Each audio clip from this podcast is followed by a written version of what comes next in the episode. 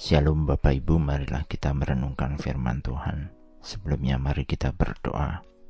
Tuhan, pimpinlah kehidupan kami.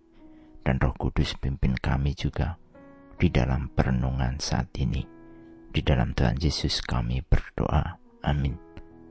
Bacaan saat ini diambil dari Amsal 11 ayat 14. Amsal 11 ayat 14. Jika tidak ada pimpinan, sebuah bangsa jatuh. Tetapi jika ada banyak penasehat, keselamatan ada di sana. Organisasi atau perusahaan yang baik dan sehat bisa dipastikan memiliki leadership atau kepemimpinan yang baik. Hasil dapat dicapai dengan kerja keras tim, tetapi kerja keras tanpa kepemimpinan yang baik, maka keberhasilan tidak akan bertahan lama. Dengan kepemimpinan yang baik, tentu kesulitan dan kerjasama tim akan terbentuk secara baik pula, sehingga menghasilkan suatu karya yang baik.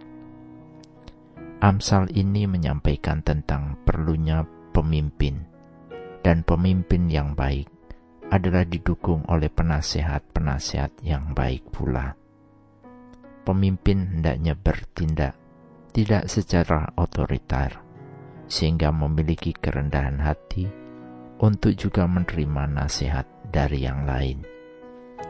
Kepemimpinan yang baik dan melayani diartikan oleh Tuhan Yesus dalam firman-Nya di dalam Matius 20 ayat 26 hingga 28. Barang siapa ingin menjadi besar di antara kamu, hendaklah ia menjadi pelayanmu.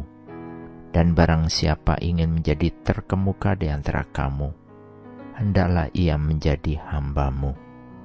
Sama seperti anak manusia, datang bukan untuk dilayani, melainkan untuk melayani, dan untuk memberikan nyawanya menjadi tebusan bagi banyak orang memperoleh kedudukan yang tinggi sebagai pemimpin bukan dimaksud untuk menguasai atau memerintah orang lain. Sebaliknya, mereka harus memberikan diri untuk menolong orang lain, khususnya bekerja demi kebaikan dan kesejahteraan semua orang. Kepemimpinan yang melayani menghindarkan penyalahgunaan kekuasaan dan paksaan dan mendorong saling menghormati dan mengasihi satu sama yang lain, sehingga kehidupan suatu bangsa akan terpelihara. Keteladanan kepemimpinan kita bisa meniru dari Tuhan Yesus, dan bagian terpenting lainnya dari seorang pemimpin adalah ia mau mendengar, karena kita percaya bahwa Tuhan sering menggunakan orang percaya yang berpengalaman untuk memberikan nasihat, dan sering kali kita menemukan bahwa dari nasihat itu kita menerima hikmat ilahi.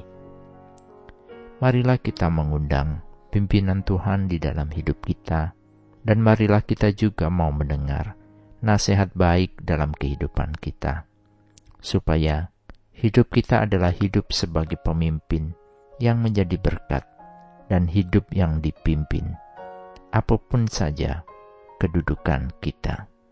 Amin. Mari kita berdoa.